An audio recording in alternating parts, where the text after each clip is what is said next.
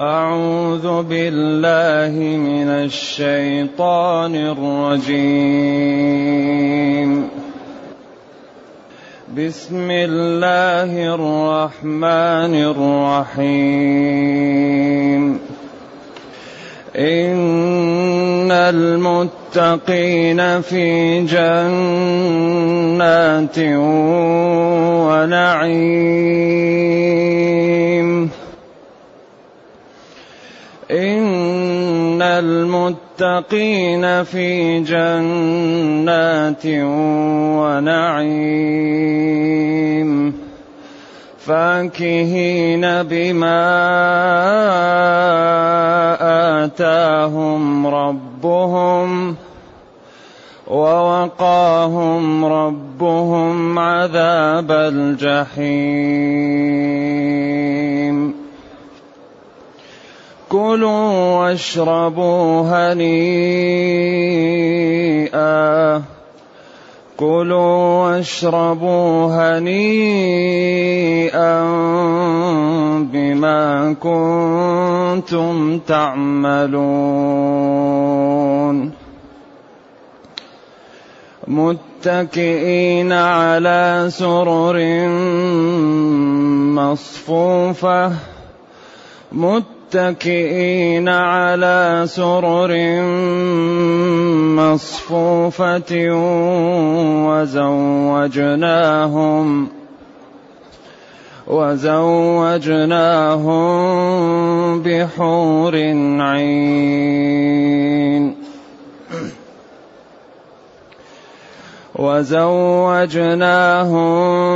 بحور عين والذين آمنوا واتبعتهم ذريتهم بإيمان ألحقنا بهم ألحقنا بهم ذريتهم.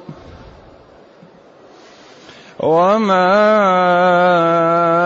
ألتناهم من عملهم من شيء وما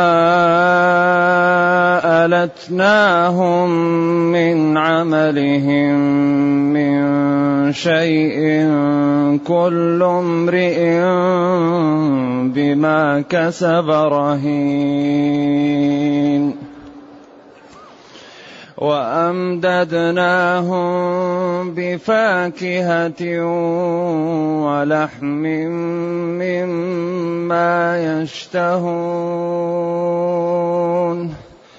يتنازعون فيها كأسا لا لغو فيها. يتنازعون فيها كأسا لا لغو فيها ولا تأثيم. ويطوف عليهم غلمان لهم كأنهم لؤلؤ كأنهم لؤلؤ مكنون. وأقبل بعضهم على بعض يتساءلون.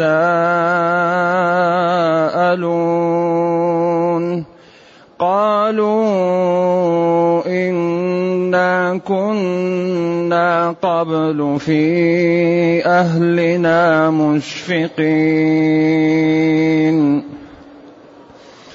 فمن الله علينا فمن الله علينا ووقانا عذاب السموم. انا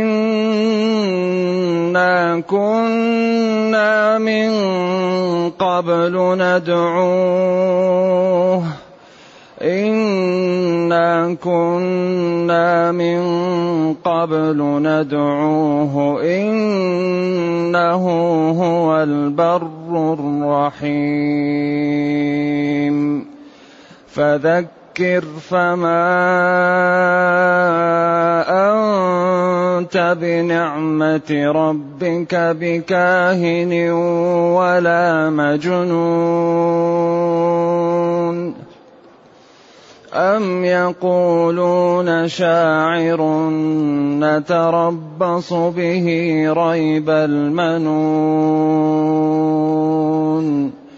قل تربصوا قل تربصوا فإني معكم من المتربصين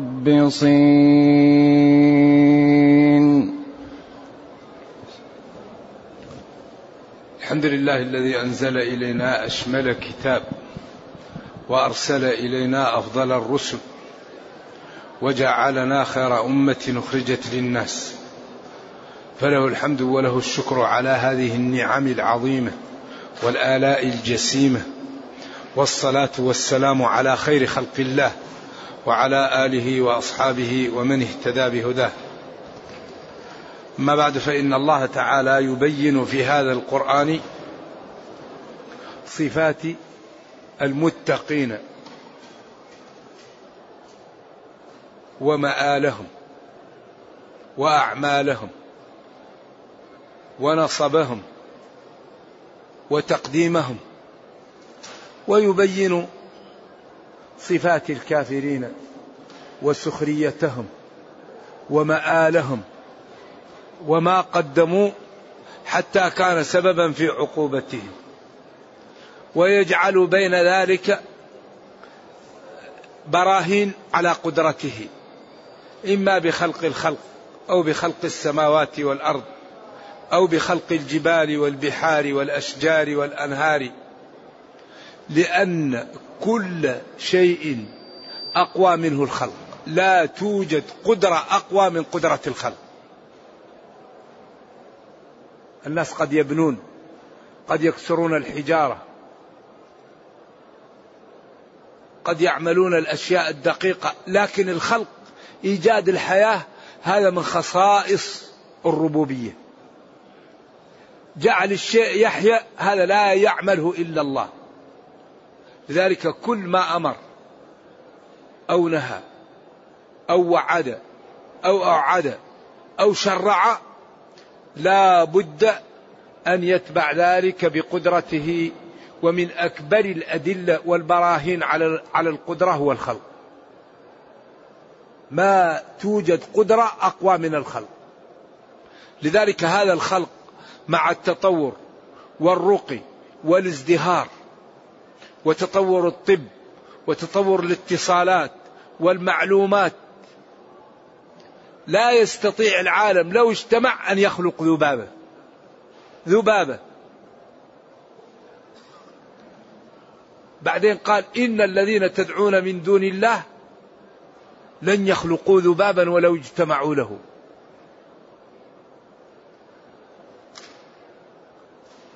قال العلماء لأن الذبابة هذه إذا أخذت شيء لا يمكن أن يرد منها نفسها هي. لأنها إذا أخذت شيء واستعملته تحيل إلى مادة أخرى. فكذلك هي لضعفها. إذا أرادوا أن أن يخلقوها لا يستطيع. فكيف بغيرها؟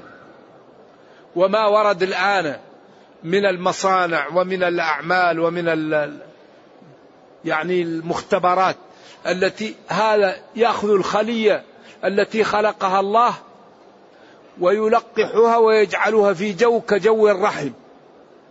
فهم لو كان يخلقون يأتوا بخلية من أنفسهم ينتج خلية. ما يمكن يأتوا بخلية من أنفسهم. لا بد أن يأخذوها من مكانها. الذي خلقها الله فيه ثم يضعوها في ماذا في جوها لتنمو. ولذلك الله يقول لهم أفمن يخلق كمن لا يخلق؟ فهنا لما ذكر صفات الكفار ذكر بعده صفات المتقين. إن المتقين إن المتقين الموتقين. والمتقي هو الذي يجعل بينه وبين عذاب الله وقاية بالطاعة. كالإنسان إذا كان في محل حار يجعل فوق رأسه إيش؟ مظلة. إذا كان في محل حر يحط شيء يوقيه الحر. إذا كان في برد يجعل لباس يقيه.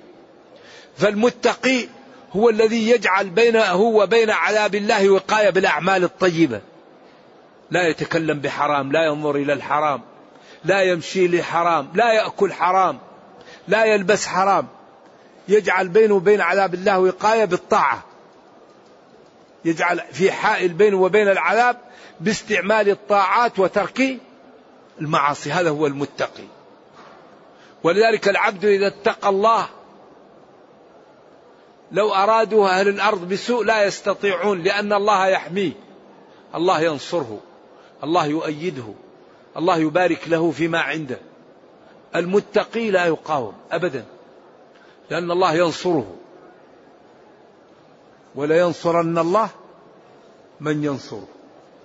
إن تتقوا الله يجعل لكم فرقان. فرقان فعلان من الفرق. ليتقي الله الطريق واضحة عنده ما عنده مشكلة.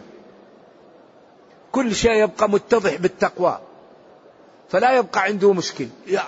كل ضيق يكون طريقه هو واضح لأنه اتقى الله.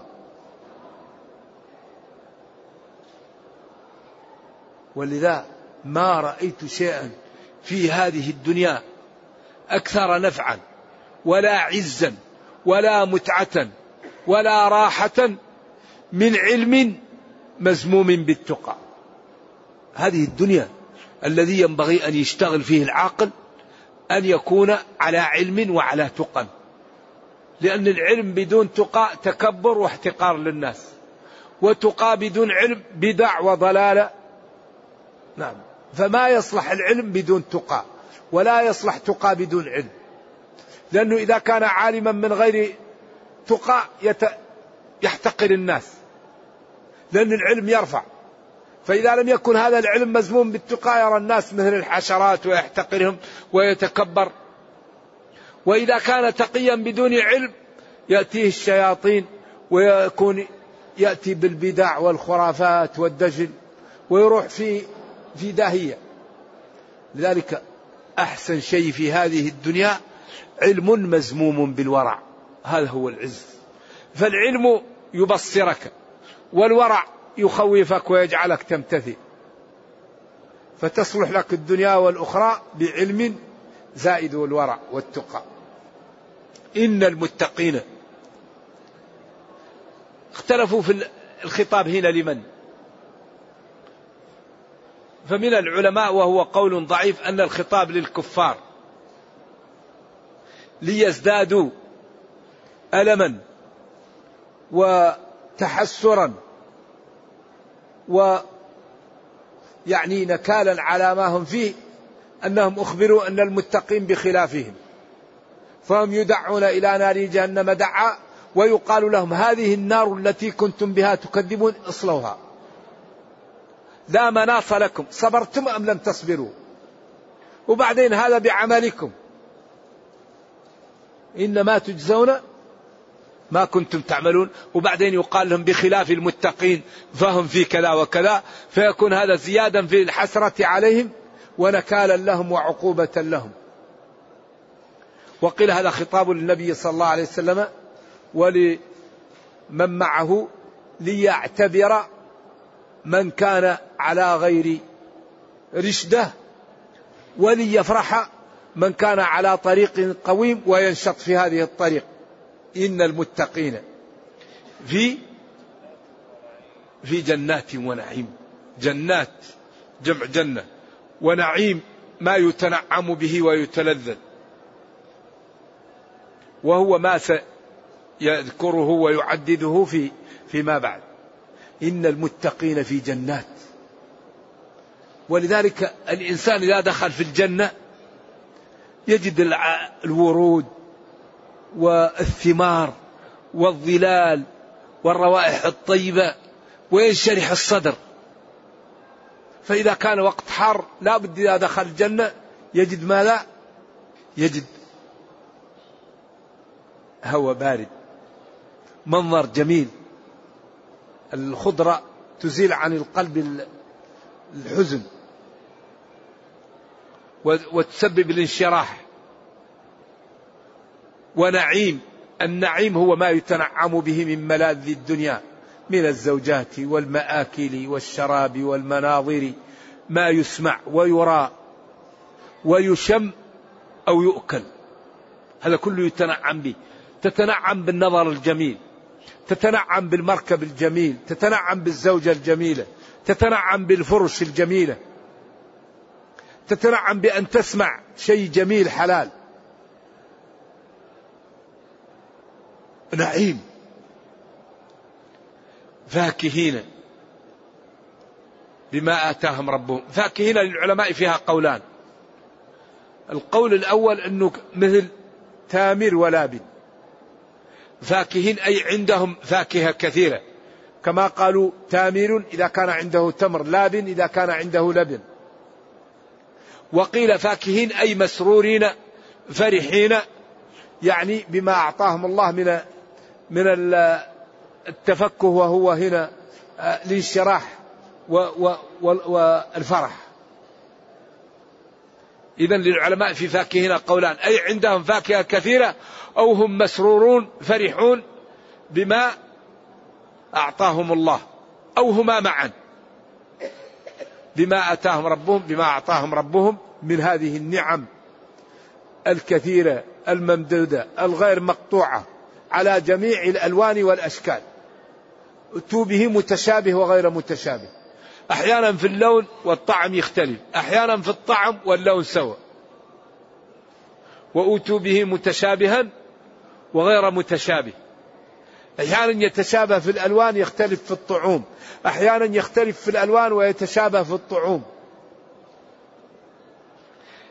أليس الأولى أن العقلاء يجتهدون ليكونوا من أهل الجنة؟ أليس من السفة أن الإنسان يضيع هذا العمر القليل ولا يكون من أهل الجنة؟ ينزغ فيه الشيطان وينزغ فيه أصدقاء السوء وينزغ فيه محبة الدنيا أو محبة الجاه. ويترك طاعة الله ويروح في المعاصي ويهلك. ولذا ديننا ما في شيء صعب. كل شيء سهل. ولم يحرم الرب عليك شيء إلا جعل لك بديل حلال. الخمر حرام العصير حلال. الكذب حرام الصدق حلال. الميتة حرام المذكاة حلال. الزنا حرام الزواج حلال. كل شيء حرم أعطي لك بدله حلال. إذا من وفقه الله من استغنى بالحلال عن إيش؟ عن الحرام ولذلك اللهم اكفنا بحلالك عن حرامك وبطاعتك عن معصيتك. هذا الدعاء مفيد جدا وبفضلك عمن سواك. من داوم على هذا الدعاء كل ما يحتاج يجده. اللهم اكفني بحلالك عن حرامك وبطاعتك عن معصيتك وبفضلك عمن سواك. إذا هؤلاء فكهين مسرورين بما أعطاهم الله أو عندهم فاكهة كثيرة يتمتعون بها. ووقاهم ربهم عذاب الجحيم. وهذا أكبر نعمة. ومنعهم وأبعدهم ربهم من عذاب النار. وقاه من الوقاية أبعدهم ربهم من عذاب الجحيم ويقال لهم كلوا واشربوا كلوا. هذا أمر للتمتع للإباحة كلوا واشربوا. لأن الإنسان خلق يحب الشراب ويحب الأكل لأنه لا يعيش إلا بهما. لأن لو كان الإنسان لا يشتهي الأكل ولا الشرب يموت. لكن جعلت فيه غريزة محبة الأكل ليبقى. كلوا واشربوا يقال لهم ذلك. هنيئا في حال كونه هنيئا لا تخم وراءه ولا آلام ولا تعب. متعة بدون تبعات. ما يقع من أمراض المعدة ومن السكري ومن الضغط. ما فيه. والتخام وزيادة المشاكل ما في. هنيء مستلذ ومستطاب ولا يأتيك إلا بخير. بما كنتم أيوة. قال العلماء بسبب عملكم هذا في التفنن والرتب أما دخول الجنة فبفضل الله ورحمته. كما قال صلى الله عليه وسلم لن يدخل أحدكم عمله الجنة. قال ولا انت قال ولا أنا إلا أن يتغمدني الله برحمته. وقال ادخلوا الجنة بما كنتم تعملون. لكن بضميمة فضل الله ورحمته لذلك هذا ادخلوا الجنة بأعمالكم. ويفهم من السياق أن الأعمال مختلفة ومراتب الجنة مختلفة. ادخلوا الجنة بما كنتم تعملون. أي بعملكم أو بالذي كنتم تعملونه. وما دامت الأعمال مختلفة فدرجات الجنة متفاوتة فيه الصديقون والشهداء والصالحون والمنازل العالية وفي من دون ذلك.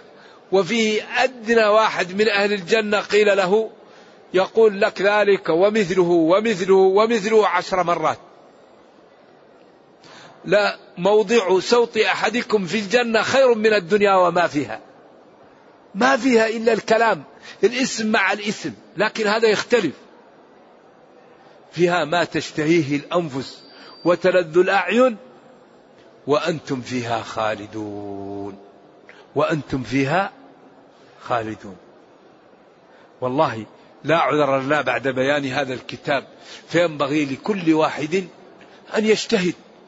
يرسم طريق. ما ما وجب علينا شيء لا نستطيعه. ما حرم علينا شيء لا نستطيع تركه. كل المحرمات سهل تركها وكل الواجبات علينا سهل فعلها. وإذا جاءتك المضايق الباب مفتوح. رب أي مضيق الباب مفتوح. وقد فصل لكم ما حرم عليكم اضطررت خلاص أفعل ربك غفور. اضطررت تفعل. لكن لا تقول أنا مضطر وأنت غير مضطر الله لا تخفى عليه خافية. واحد يقول أنا مضطر وهو ما هو مضطر لا الله لا يخفى عليه المضطر من غير المضطر.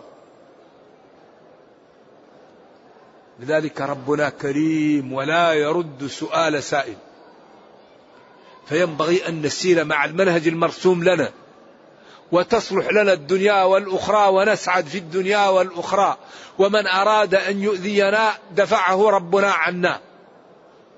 جمال المتقي أن من يدافع عنه؟ الله. الذي يدافع عنه الله هل يمكن يغلب؟ إن الله يدافع عن الذين آمنوا. يدافع عنهم يرد عنهم.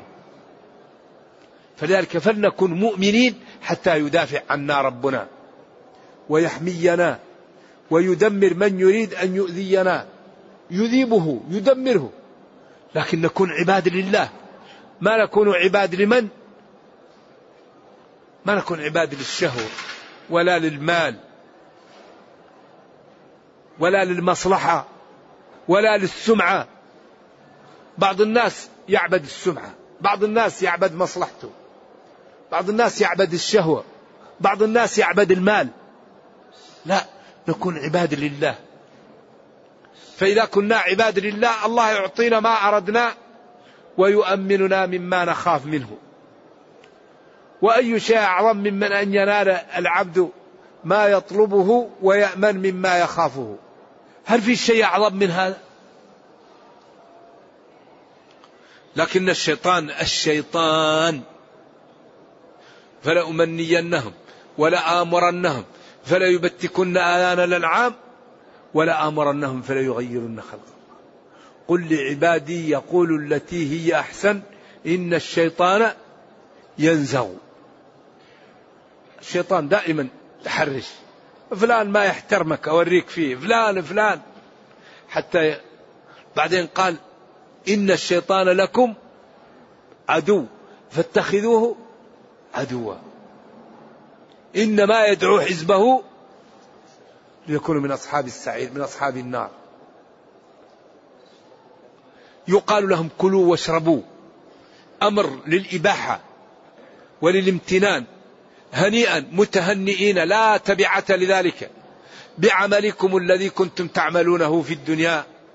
وهذه الدرجات وهذه المنازل أخذتموها بفضل الله ثم بعملكم. كانوا يصلون كانوا يتصدقون كانوا يزورون المرضى كانوا يساعدون الأيتام والفقراء كانوا يصلون أرحامهم كانوا يتغاضون عن زلات إخوانهم كانوا يسترون من افتضح. كانوا لا يقابلون الإساءة إلا بالإحسان.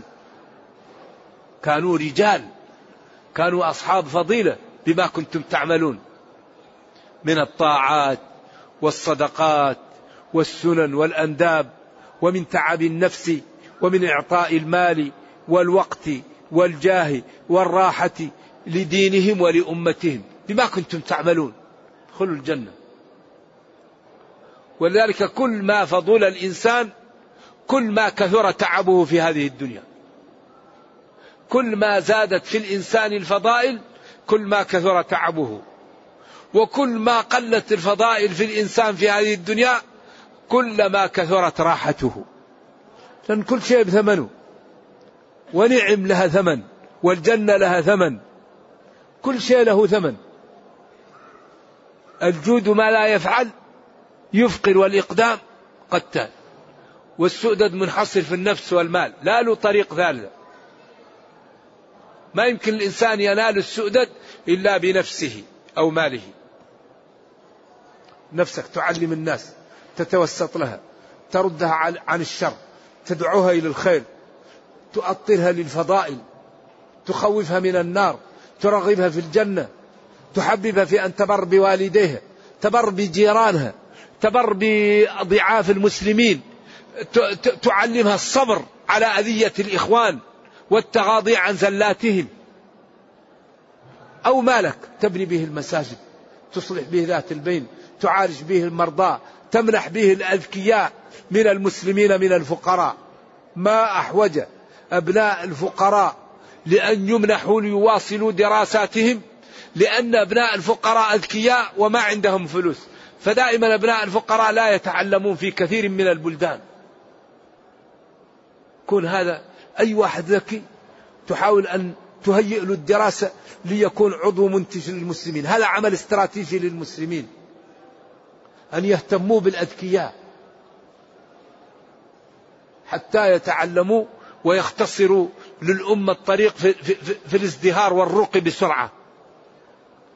بما كنتم تعملون. العمل. متكئين على سرر مصفوفة. سرر مهيئة ومنظمة. بما بما على السرر من الفراش ومن الوسائد ومن الستائر وزوجناهم بحور عين. زوجناه كل واحد بحور جمع حوراء وهي التي بياضها ناصع وسواد عينها ناصع. الحوراء هي التي بياض عينها ناصع وسوادها ناصع. ما تكون بعض البياض السواد مشوب ببياض زرق العيون.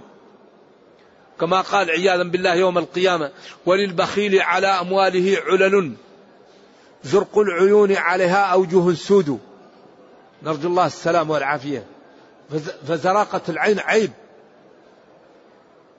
الذي يراها جمال هذا ذوق معكوس. كما أن عند العرب يعني كون أن الشفاه حمر عيب. الشفاه ينبغي أن تكون فيها أدمة سود حو لما فيها سواد. لكن الآن عند المسلمين بعض الأمور عكسوها. نعم. لذلك سبحان الله كل ما يأمر الله بشيء أو يشرع يجي الشيطان ويقول لا. قال يدنين عليهن من جلابيبهن. قال اسفعنا. قال للرجل يرفع إزاره. قال له لا دليه. قال كل ما يأمر الله بشيء يجي الشيطان ويأمر بضده. قال الله أحللت البيع وحرمت الربا. قال الشيطان أحللت الربا وحرمت البيع. هذا إن الشيطان لكم عدو. كل ما يأمر بشيء يأتي ويأمر بضده. الآن انتبهوا لأي أمر يأمر بها الله الشيطان يأمر بضده. أوفروا قال لا. قصروا قال لا. الشيطان ما يرضى. قال الرجل واجب عليه الإنفاق المرأة لا يجب عليها. قال لا المرأة كمان. ليش؟ هي لازم تخرجي. ليش تجلسي في البيت؟ يلا طلعي. الله قال وقرن. قرن إيش؟ قرن في بيوتكم إذا سألتموهن متاعا خير النساء الولود الودود. إذا خرجت المرأة من من ينت من يند من يأتي المصنع يكون ماذا؟ الأولاد يأتوا من ماذا؟ من الزوجة فإذا خرجت الزوجة وصارت كل يوم تطلع يقل النسل ويقل الأذكياء ويقل العباقرة فيتسلط الأعداء على المسلمين ذلك الحقيقة يعني الآن هذه ترغيب النساء في الخروج والوظائف خروج المرأة من البيت ضرورة ضرورة. والضرورة تقدر بقدرها. ما المال ما هو كل شيء. فيه راحة فيه طمأنينة فيه أولاد نفوسهم مطمئنة لا عقد فيهم في تربية سليمة. وبعدين المال لا يكفي. إذا كان الإنسان مستهلك لا يكفي ماله للأرض. وإذا كان منفق لا يكفي ماله للأرض. إذا الغناء عن الشيء لا به. لأن الإنسان إما مستهلك وإما مكنز. فالمكنز يمكن يكنز مال الدنيا كلها. والمستهلك يمكن يستهلك ماله للأرض. إذا الغناء عن الشيء لا به. وأسعد الناس من رزقه الله الكفاف ورضاه بذلك. وكل ما والمال الصالح للرجل الصالح لا لا شك أنه نعمة كبيرة. لكن أغلب الناس إذا رأوا المال لا يصرفونه ويكون عبيد له.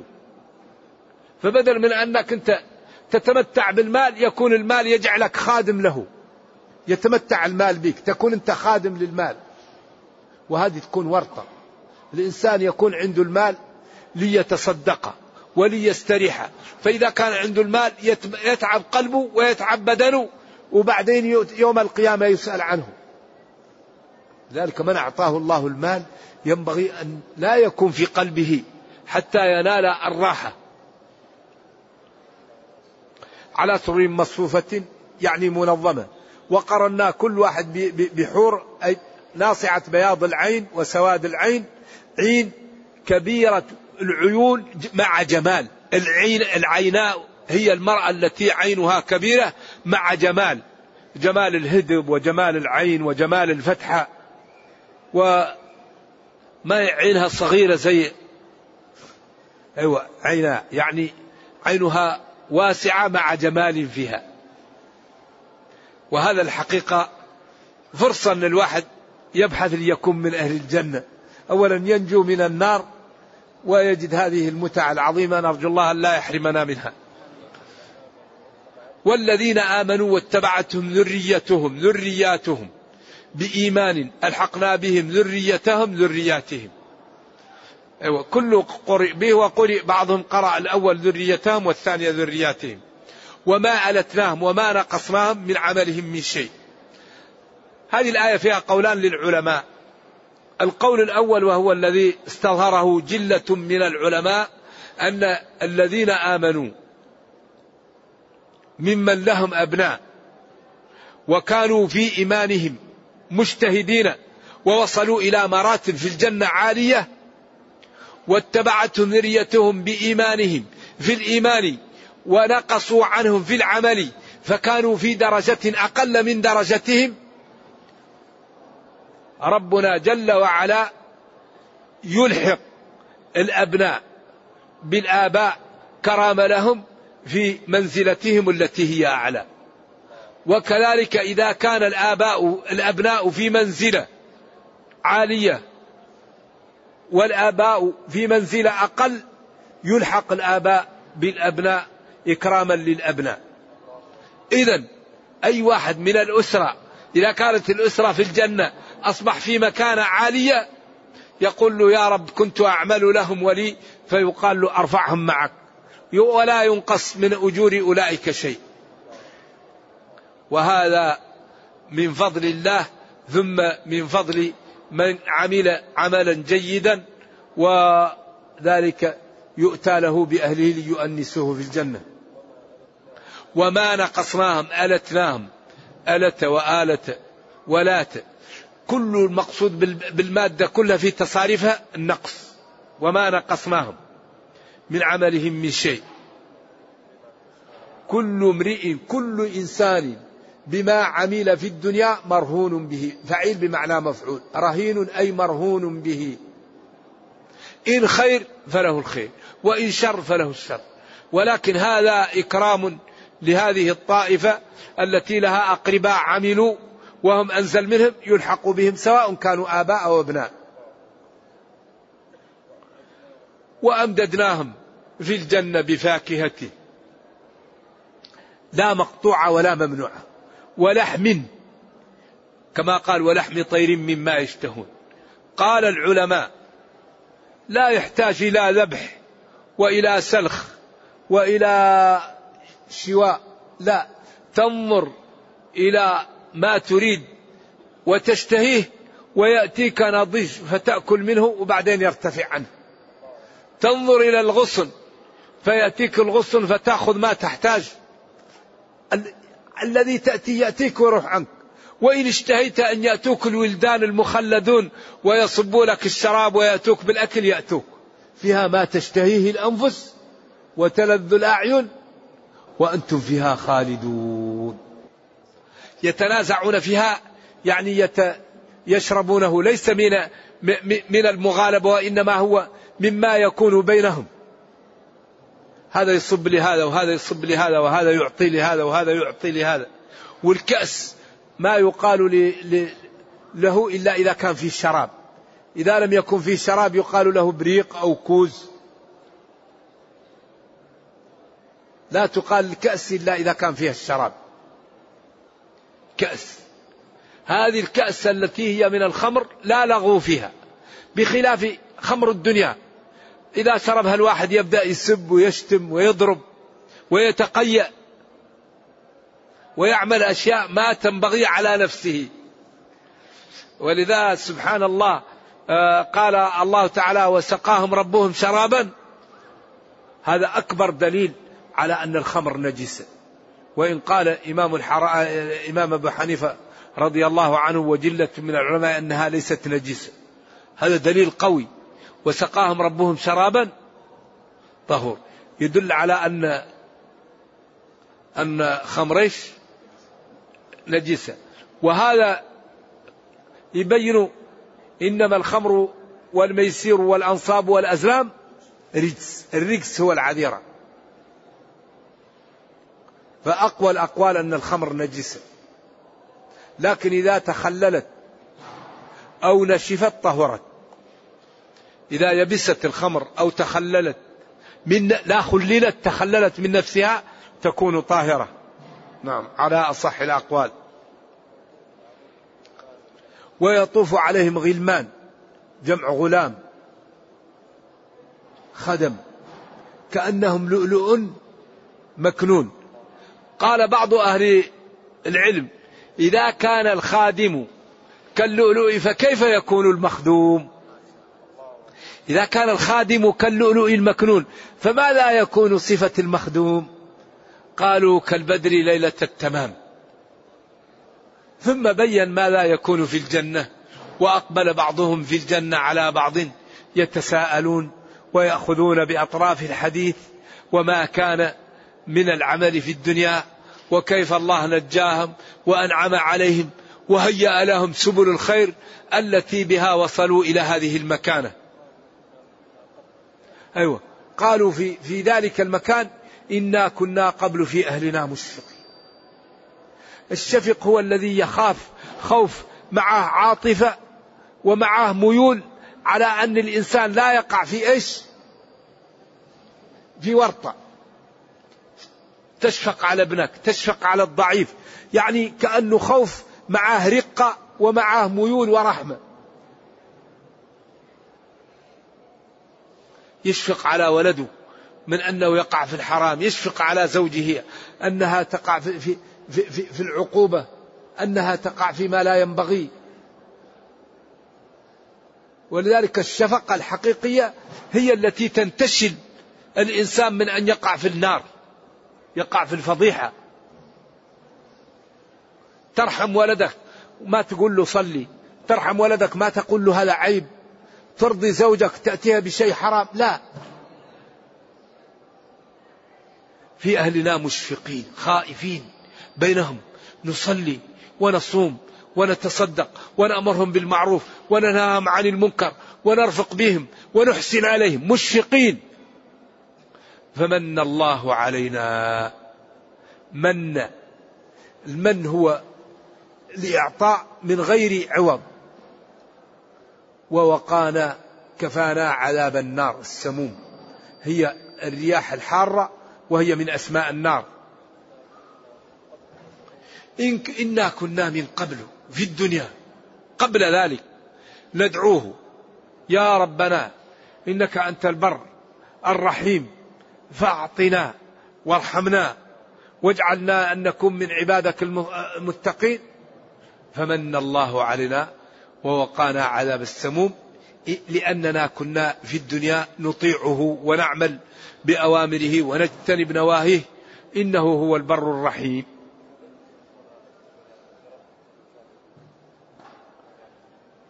فلعلتي ما أنزلنا عليك وما أنعمنا عليك به وما رفعناك به ذكر ذكر ذكر الناس بهذا القرآن.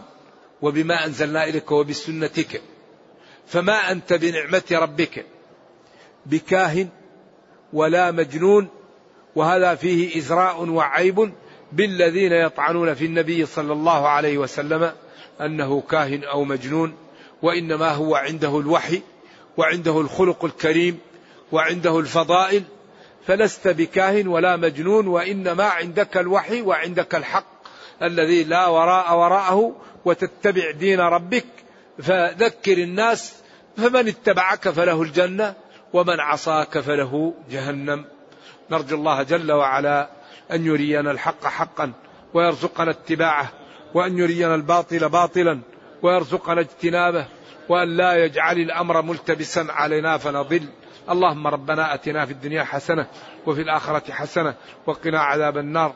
اللهم اختم بالسعادة آجالنا واقرم بالعافية غدونا وآصالنا واجعل إلى جنتك مصيرنا ومآلنا. سبحان ربك رب العزة عما يصفون. سلام على المرسلين والحمد لله رب العالمين. وصلى الله وسلم وبارك على نبينا محمد وعلى آله وصحبه. والسلام عليكم ورحمة الله وبركاته.